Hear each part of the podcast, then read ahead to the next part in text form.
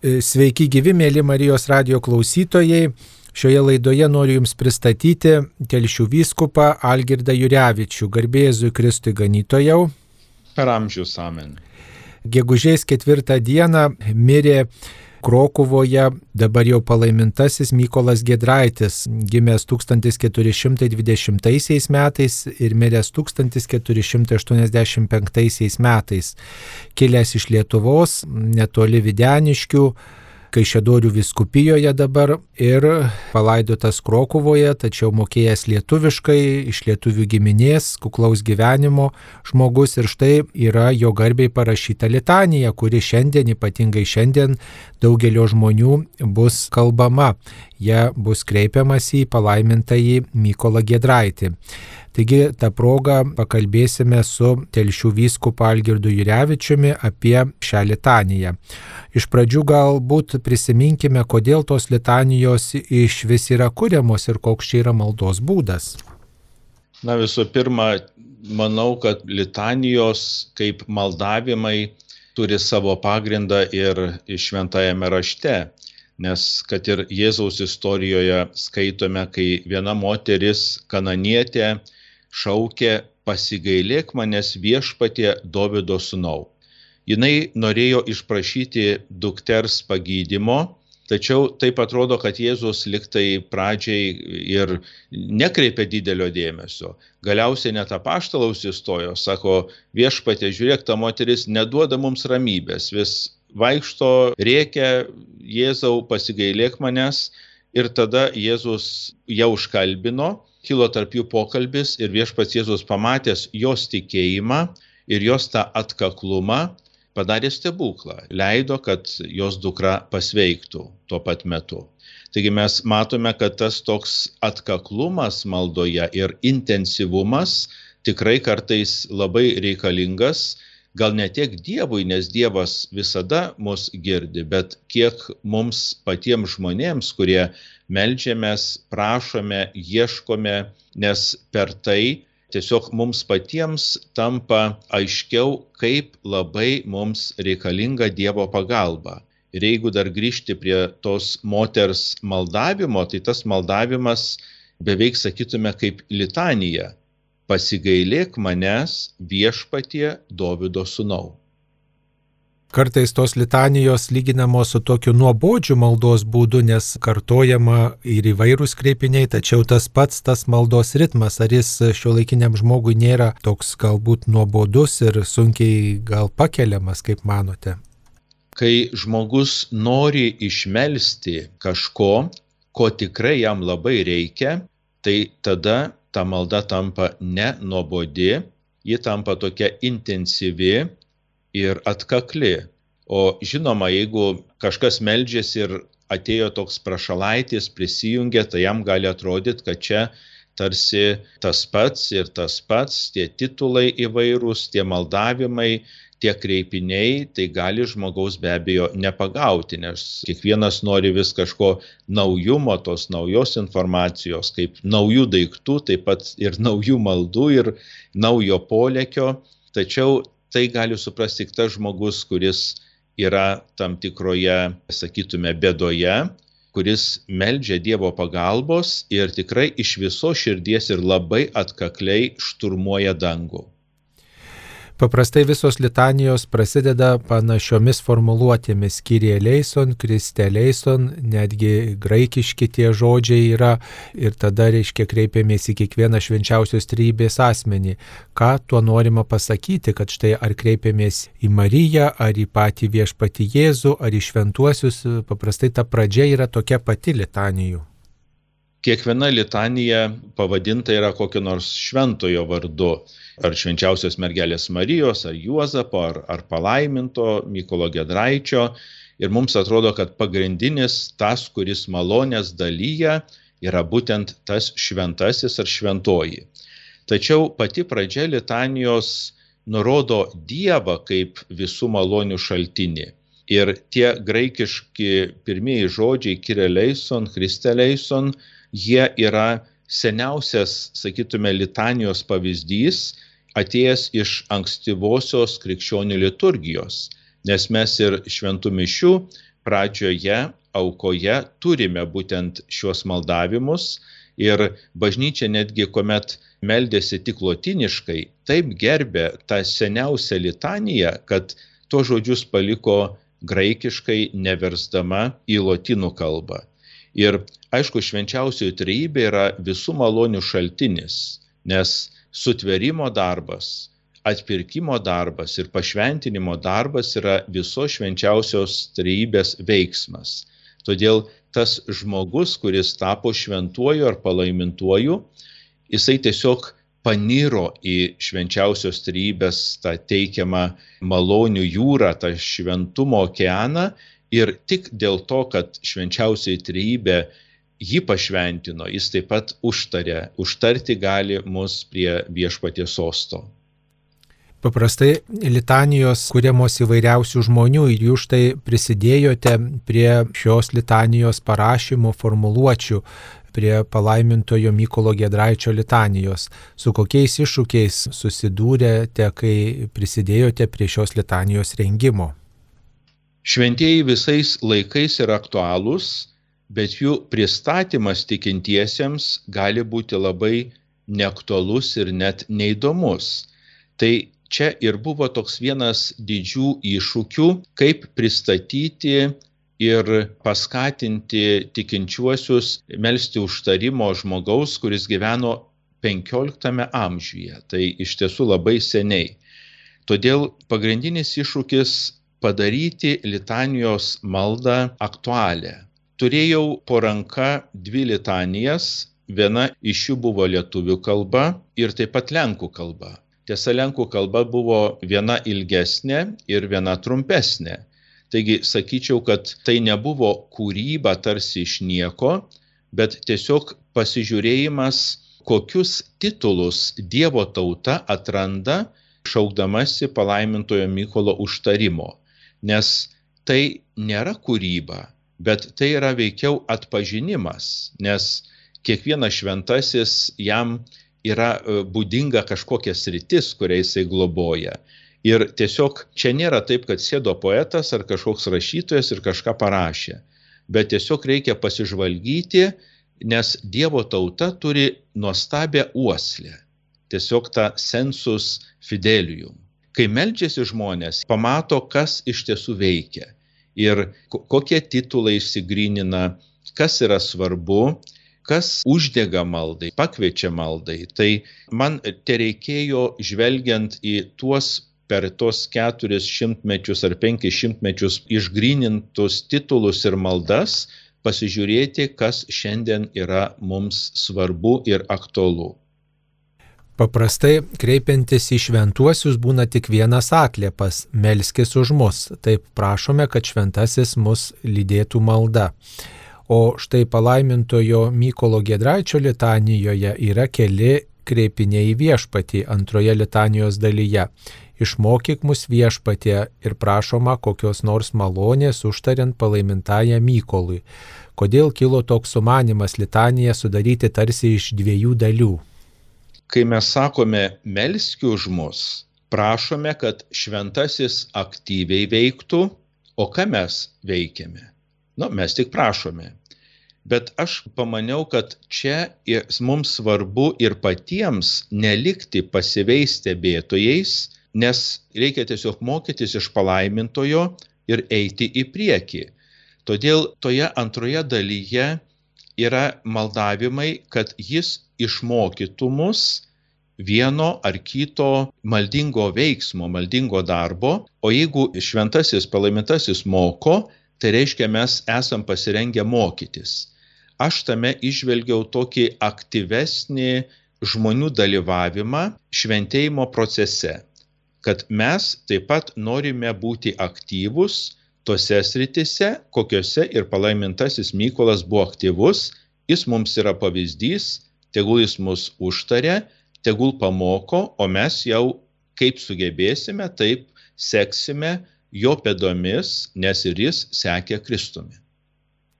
Skaitant litaniją susidaro toks įspūdis, kad mes iš tos litanijos galime pažinti šventąjį ir tam tikrą prasme turėti tokią trumpą jo biografijos apžvalgą, nes paprastai iš jo gyvenimo kai kurių aspektų ta litanija ir būna sudėliota. Ir štai vienas kreipinys iš visų kreipinių yra apie tai, kad didžiuojamasi, džiaugiamasi, kad iš visų gedraičių giminės yra švento gyvenimo žmogus. Galbūt e, žinote ir apie kitus gedraičių giminės narius, ar ten yra kitų šventųjų, švento gyvenimo žmonių, galbūt nepaskelbtų, tačiau tokių pamaldžių, pavyzdingų žmonių, ar teko jums apie tai girdėti? Gedraičių giminė tikrai yra labai plati ir esu įsitikinęs, kad ten yra daug šventųjų nepaskelbtų, nekanonizuotų, nes tai buvo ir didikų giminė, ir, ir pamaldi giminė, bent jau žemaičių viskupystė žino keletą viskupų iš šios giminės. Ir vienas iš viskupų, būtent Merkelis Gedraitis, 16-17 amžiaus sandūroje vadovavęs ganęs žemaičius, žemaičių viskupiją, irgi garsėjo savo šventumu ir net prieš daugiau kaip šimtą metų buvo manoma ir kreipiamasi net į popiežių, kad paskelbti jį šventuoju, bet tada ta iniciatyva kažkaip neišsivystė, tai dabar jau ta asmenybė tarsi nugrimzdo į istorijos gelmes ir mes jį prisimenam tik kaip istorinį asmenį, bet kažkokio kulto ar pamaldumo į Merkelį generaitį neteko sutikti. Tačiau tai tik rodo, kad tikrai Mykolas nėra vienintelis toje giminėje, kad tikrai yra žymiai daugiau šventųjų ar palaimintųjų. Tiesiog mums nėra duota tai atpažinti, bet Dievas, kuris žvelgia į širdis, viską pažįsta. Mėly Marijos radio klausytojai, šioje laidoje kalbame su telšių vyskupu Algirdu Jurevičiumi apie palaimintą į Mykolą Gedraitį, kurio šiandien kaip tik tai ir minime mirties datą. Jis mirė 1485 metais, gegužės 4 dieną Krokuvoje ir jis yra iš Lietuvos kilęs žmogus, mokėjęs lietuviškai ir čia praleidęs dalį gyvenimo. Zakristijonų globėjas ir apskritai tokio kuklaus gyvenimo žmogus. Štai jo litanija, kurią aptarėme, jo garbiai parašyta litanija, parengta telšių vyskupo Algirdo Jurevičiaus ir toje litanijoje yra vienas kreipinys nukryžiuotosios meilės išpažinėjau. Kaip galėtume pakomentuoti šį kreipinį į palaimintąjį Mykolą Gedraitį? Palaimintojo Mykolo paveiksluose jis yra vaizduojamas besimeldžiantis priešais kryžių. Ir tai remiasi jo biografija, jo gyvenimo faktais, kad jis žinoma pats buvo luošas, turėjo tam tikrų negalių, todėl jam buvo labai sava melstis, medituoti kryžių, būti kryžiaus papėdėje ir jisai yra turėjęs mistinių patirčių, kuriomis pasidalino tik tai gyvenimo pabaigoje, kad Kristus nuo kryžiaus jam kalbėjęs, ištverk iki galo ir duosiu tau gyvenimo vainiką.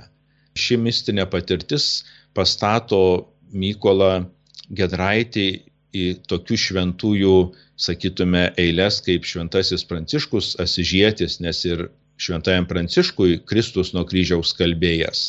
Tai todėl būtent tas nukryžiuotosios meilės išpažinimas jam yra labai būdingas ir savas.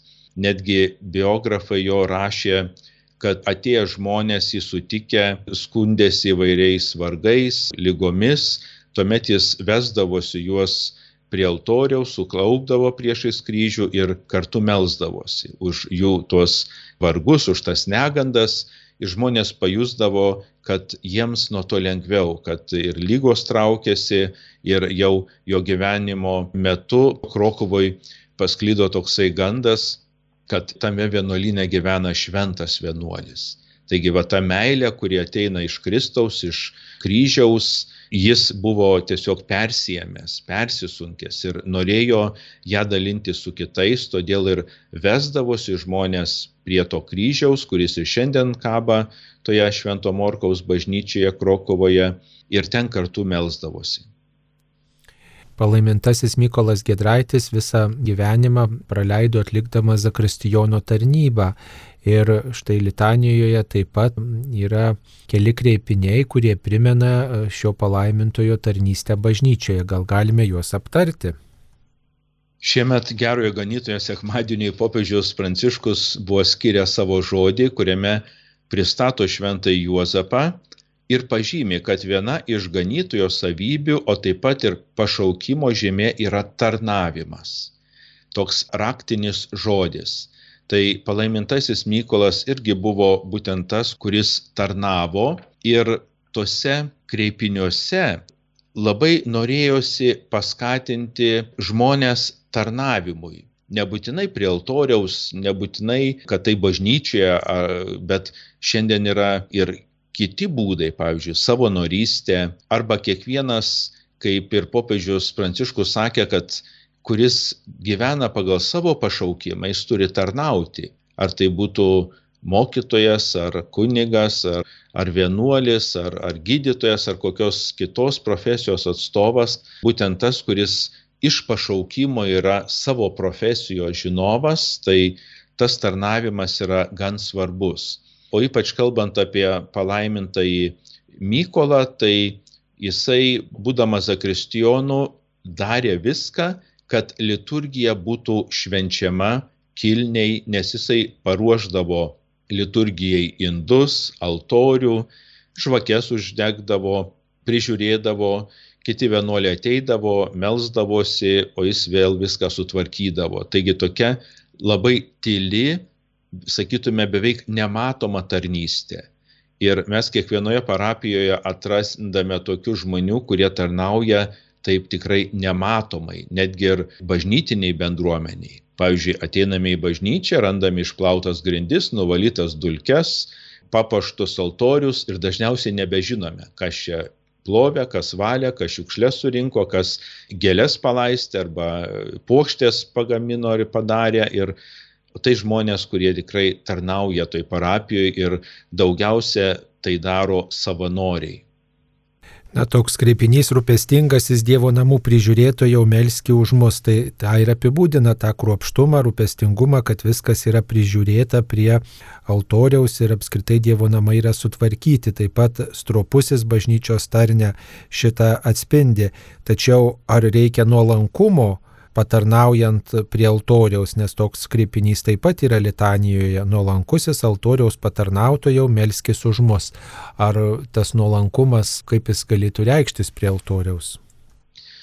Na žinot, tai nebūtinai tas nuolankumas būdingas patarnautojui, kuris patarnauja ministrantui, bet to nuolankumo labai reikia ir kunigui, kuris mišioms vadovauja, mišę švenčia nes visada yra pagunda, vadovaujant mišioms, kad tave matytų, kad tave girdėtų, kad tu prasikištum.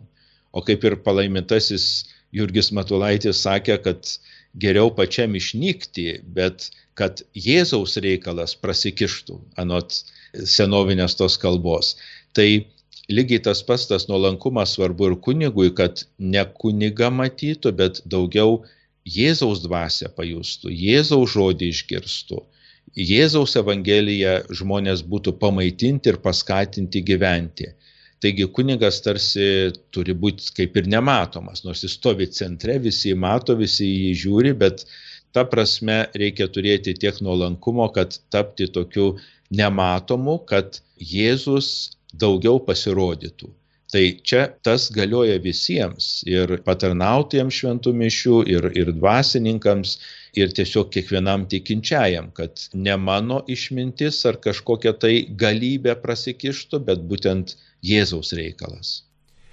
Taip pat, kalbant apie liturgiją, dar galime atrasti tokį kreipinį į palaimintą į Mykolą Gedraitį, dalyvaujančiųjų liturgijoje globėjau, melski už mus. Ar reikia dar, kad kažkas mus globotų, kai dalyvaujam liturgijoje, juk stovime Dievo akivaizdoje, kaip sakant, pats viešpats čia švenčiamas, čia viešpatį sutinkam, ar dar reikia prašyti kokio šventojo globos? Na, palaimintasis Mykolas darė viską, kad kuo daugiau žmonių dalyvautų liturgijoje ir kuo vaisingiau ją priimtų, tas malonės.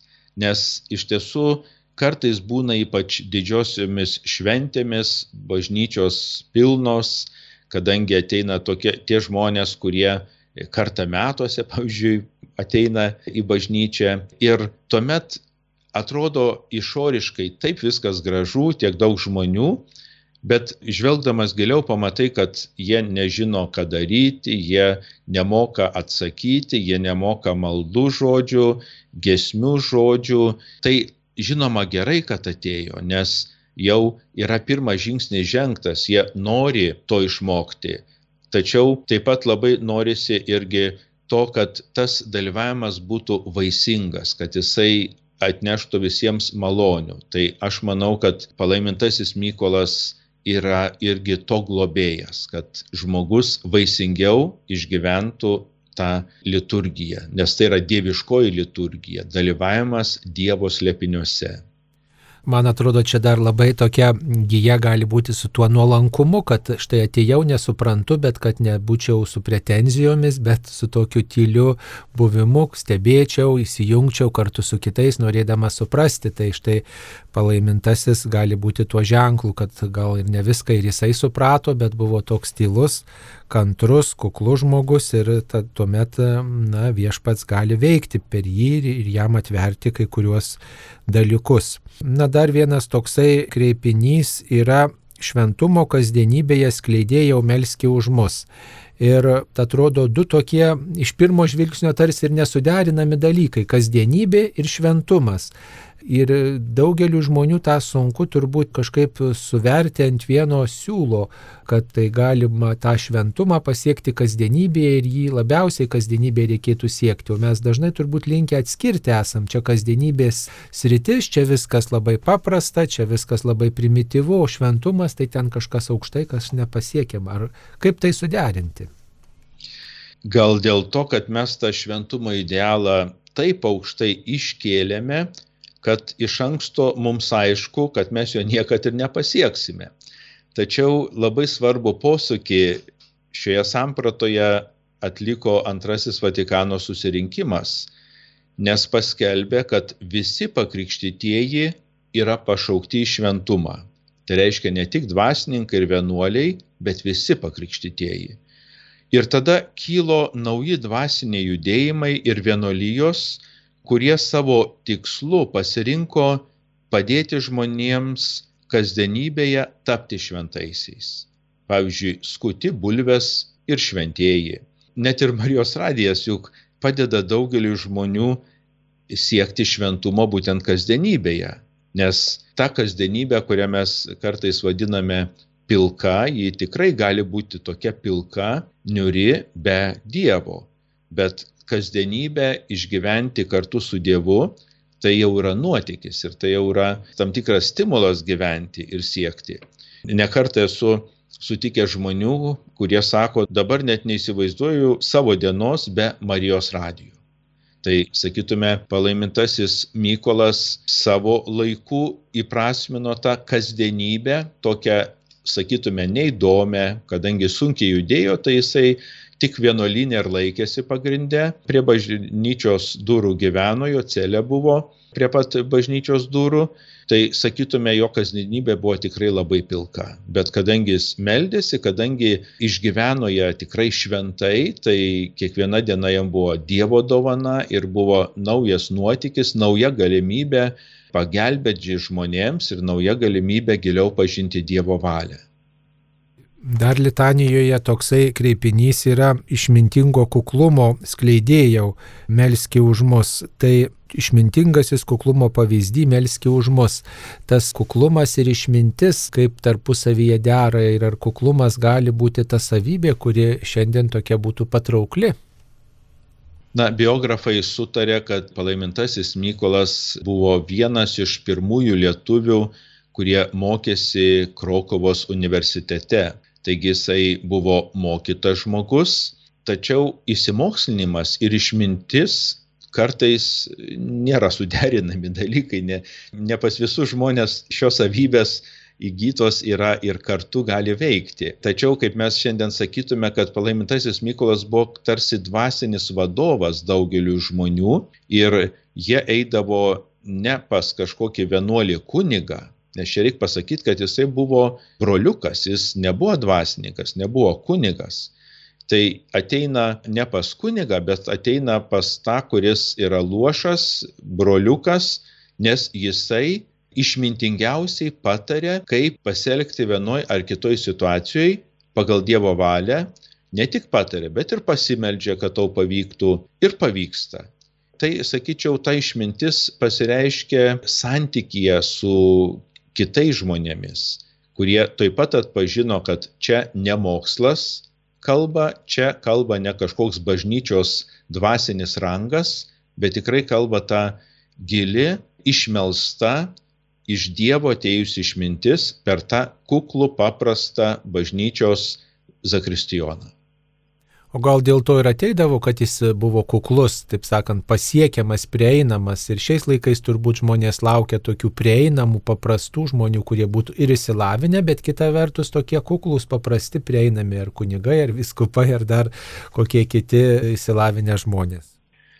Taip, kuomet buvo betifikacija prieš keletą metų palaimto Mykolo, aš kalbėjau apie vieną jo savybę, kad jis turėjo laiko Nes dažnai būna ypač šiandien ta savybė mums labai reikalinga, aišku, ir pats laikas reikalingas, nes dabar tikriausiai artinasi laikų pabaiga, nes tas laikas kažkur dinksta. Ko paklausė, visi sako, neturiu laiko. O vat jis turėjo laiko ir tas atsigrėžimas į žmonės visada buvo pasiekiamas, visada nuėjęs jį surasi toje bažnytėlėje, visada jis tau turės laiko. Todėl, man atrodo, mūsų šiandieninių dvasininkų, vienuolių tokia bėda, kad mes per mažai tam skiriame laiko arba tiesiog reikia surasti laiko žmonėms ir tam buvimui kartu su žmonėmis ir tada bus viskas, viskas tikrai tokioje mykoliškoje dvasioje. Daugelis čia kreipinių mums suprantami, artimi, pažįstami vienai par kitaip, tačiau vienas toks kreipinys į palaimintą į Mykolą Gedraitį turbūt reikalauja tokio gilesnio apmąstymo. Tai paslėpto gyvenimo dvasioje vadovė Melski už mus paslėpto gyvenimo dvasioje vadovę. Kaip galėtume suprantamiau arba paprastais žodžiais paaiškinti, kas tai yra paslėptas gyvenimas dvasioje? Na, visų pirma, mūsų gyvenimas, santykis su Dievu dažniausiai kitiems nėra žinomas. Mes kiekvienas turime individualią bendravimo su viešpačiu istoriją. Kartais jinai būna vingiuota, su įvairiais nuopoliais ir vėl keliamės ir vėl einame.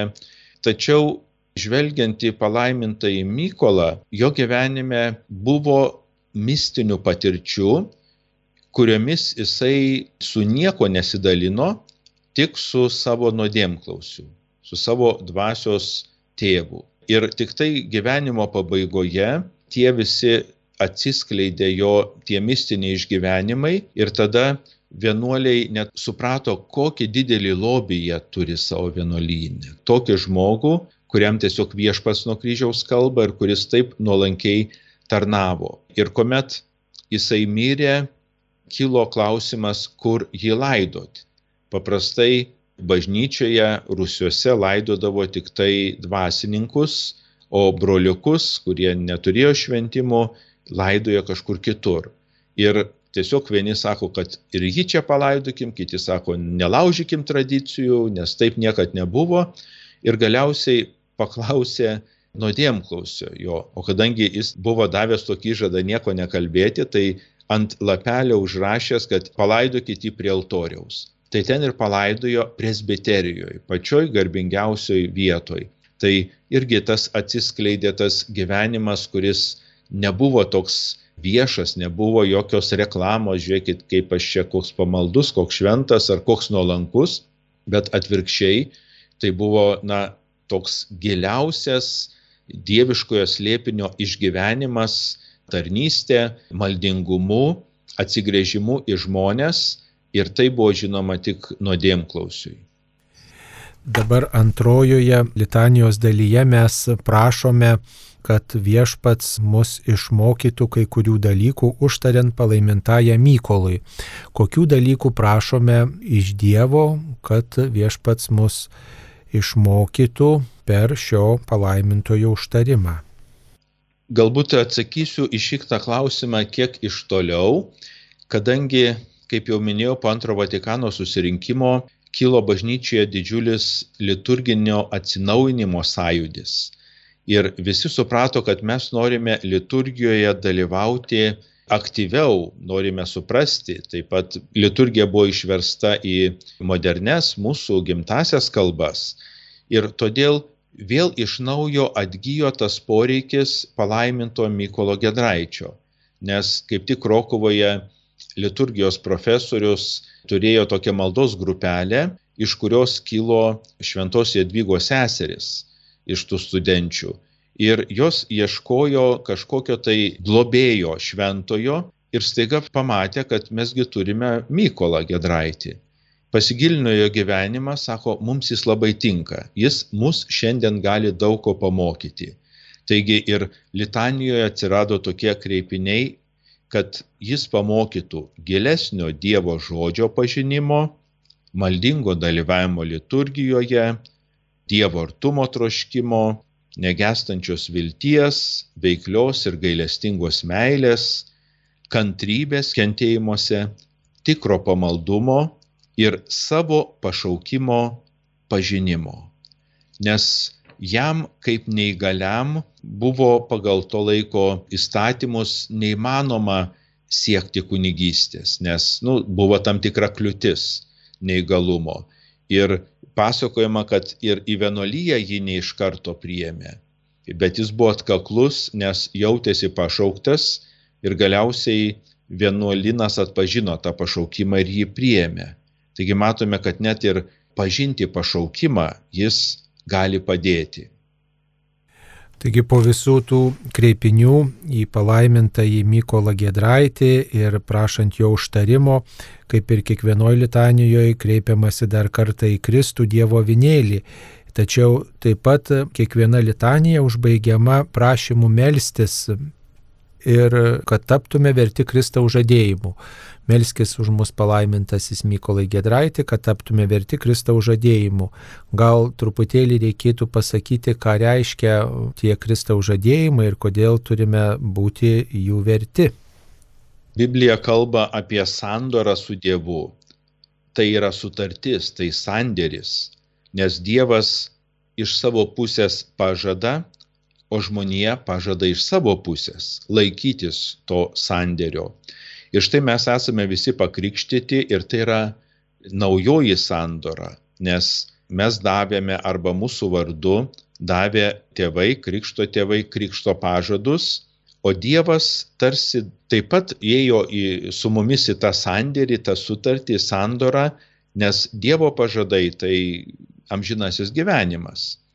Ir kokia yra žmogaus vertė, vertumas, tai yra mes esame neįkainuojami žvelgiant iš Dievo pusės, nes žmogaus negalima nei vertinti, nei įkainuoti kažko, kažkokios vertės nustatyti, nes ta vertė begalinė. Tačiau žmogus kartais sugeba save įkainuoti, išduoti ir net parduoti kitą žmogų. Nes mes žinome, kad ir pats Kristus buvo įkainuotas 30 sidabrinių. Tas maldavimas, kad mes taptume verti Kristaus žadėjimu, tai ir yra tas maldavimas nematuoti savo vertės sidabriniais, bet pažvelgti į save Dievo šlovės akivaizdoje. Kaip šventasis Leonas Didysis sakė, krikščioni pažink savo didybę. Taigi mes Kristuje esame dėl iš Dievo malonės verti paveldėti tą amžinai gyvenimą bet ne dėl savęs, ne dėl savo vertės, bet būtent dėl tų Dievo pažadų, nes Dievas yra ištikimas savo žadėjimams, savo pažadams. Tad ir litanijoje būtent ir yra tas toks kreipimasis, kad ir mes taptume verti Kristaus žadėjimų. Kitaip sakant, kad galbūt patys įdėtume pastangų atsiliepti į, ta, į tai, ką viešpats mums yra numatęs. Taigi aptarėme palaimintojo Mykolo Gedraičio litaniją su jumis ganytojau. Jūs esate prisilietęs ne tik tai prie palaimintojo Mykolo Gedraičio kulto skleidimo, bet taip pat prie palaimintojo Teofiliaus Matulionio kulto puoselėjimo. Galbūt galime palyginti tuos du palaimintuosius, kažkas gal tarp jų yra panašaus, galbūt kažkas yra iš esmės skirtingo, jūs kažkaip buvote arti šalia jų ir iš jų kažkokių turbūt ir malonių sulaukite. Na, aš niekad nelyginau šių dviejų palaimintųjų, nes labai jau jie yra skirtingų epochų ir skirtingo gyvenimo kelio, tačiau bendro tarp jų yra tai, kad jie kilę beveik iš to paties aukštaitijos krašto, iš to paties regiono. Vienas nuo Videniškių, kitas nuo Alantos, tai beveik kaimininės parapijos. Tačiau ir bendra yra tai, kad kiekvienas iš jų sekė Kristumi, gyveno Evangeliją pagal savo, sakytume, luomą, vienas vienuolynė, kitas kunigo ir viskopo tarnystėje ir kiekvienas iš jų susilaukia tam tikrų nepatogumų, kančių dėl Kristaus. Jeigu palaimintasis Mykolas būtent lošumas jam kažkaip trukdė labiau įsiskleisti, o gal padėjo įsiskleisti, nes kaip ir apaštalas Paulius turėjo dieglį kūnę šonę, kuris kars nuo karto smūgiuodavo ir jam neleisdavo, bet po to jisai suprato, kad tai yra visgi Dievo malonė, kuri kažką reiškia. Taigi panašiai ir palaimintasis Mykolas, nors turėjo tą kliūtį, bet pasirodo, kad tai yra irgi Dievo malonė, kuri leido įsiskleisti tam vidiniam gyvenimui, tam dvasiniam gyvenimui, silpname kūne. O palaimintasis Teofilius, žinome, buvo sutrukdytas įvairiausių kalėjimų, lagerių, persekėjimų, bet ta vidinė jo dvasia nepaprastai užsigrūdino ir jis tapo dvasiniu vadovu ir kitiems žmonėms, kurie buvo šalia jo, ar tai buvo kalėjime, ar tremtyje, ar jau grįžus į Lietuvą. Taigi matome, kad sunkumai kartais reikalingi, nes Biblija sako, kad per daugelį vargų mes turime įeiti į Dievo karalystę. Na ir dar tas toksai paprastumas bei kuklumas turbūt gali būti bendras tarp šių palaimintųjų. Tiek palaimintasis Mykolas Gedraitis, tiek palaimintasis Teofilius Matuljonis buvo tokie paprasti žmonės ir tikrai prie jų nebuvo baisu prieiti, kažko paklausti, su jais bendrauti. Ir daugelis tiesiog mėgo juos už tą jų paprastumą ir prieinamumą. Galbūt tai ir ženklas mums, kurie vat, ar mokslo ragaujame, ar kažkas mums pasiseka, kad neišpuiktume tiesa. Taip, ir tas kuklumas kyla ne tiek iš jų pačių, bet kaip ir minėjau, kad jie savo gyvenimo tikslu nori sekti Kristumi. Ir kai žvelgi į Kristų, panašiai į Kristų, o Kristus buvo nuolankumo įsikūnymas. Tad kokioj epochoje žmogus begyventų, kokios rasės ar kultūros bebūtų, jeigu jis artėja prie Kristaus, jis su juo panašėja su Kristumi ir įgauna tų pačių kristiškų savybių. Taigi visi šventieji panašus yra į Kristų, būtent tuo pačiu, tačiau skleidžiasi vis kitais, sakytume, tas medis šventumo žiedais, nes kitos sąlygos, kitas pašaukimas, nors tas pats Kristus visus kviečia. Tad nuolankumas yra iš Kristaus gauta žymė, kuri žmogų labai papuošia. Taigi, mėly Marijos radio klausytojai, šiandien prisimename dar vieną mūsų palaimintąjį Mykolą Gedraitį. Šiandien yra jo mirties diena, jis palaidotas Krokuvoje, tačiau gyvenęs ir Lietuvoje ir kilęs iš Gedraičių giminės, palaimintasis Mykolas Gedraitis ir Švento Kazimiero amžininkas, dar vienas gerbiamas, mylimas žmogus, kuris žinomas ne tik mūsų krašte, bet ir Lenkijoje, tegul jis užtaria mus ir palydė daugelį žmonių įvairiuose reikaluose, ypač tuos silpnuosius, ieškančius savo kelio žmonės te paguodžia, te sustiprina, te palydė prie viešpaties apie palaimintąjį Mykolą Gedraitį ir jo garbiai sukurtą litaniją kalbėjome su telšių vyskupu Algirdu Jurevičiumi, jį kalbino aš kunigas Saulis Bužauskas. Visus te lydi šventųjų globa. Ačiū, sudė. Sudėjau.